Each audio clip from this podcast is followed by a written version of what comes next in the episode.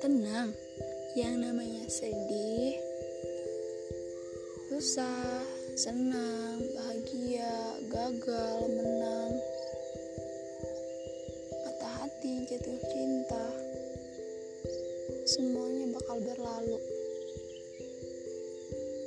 Semuanya bakal berlalu dan semua bakal jadi cerita.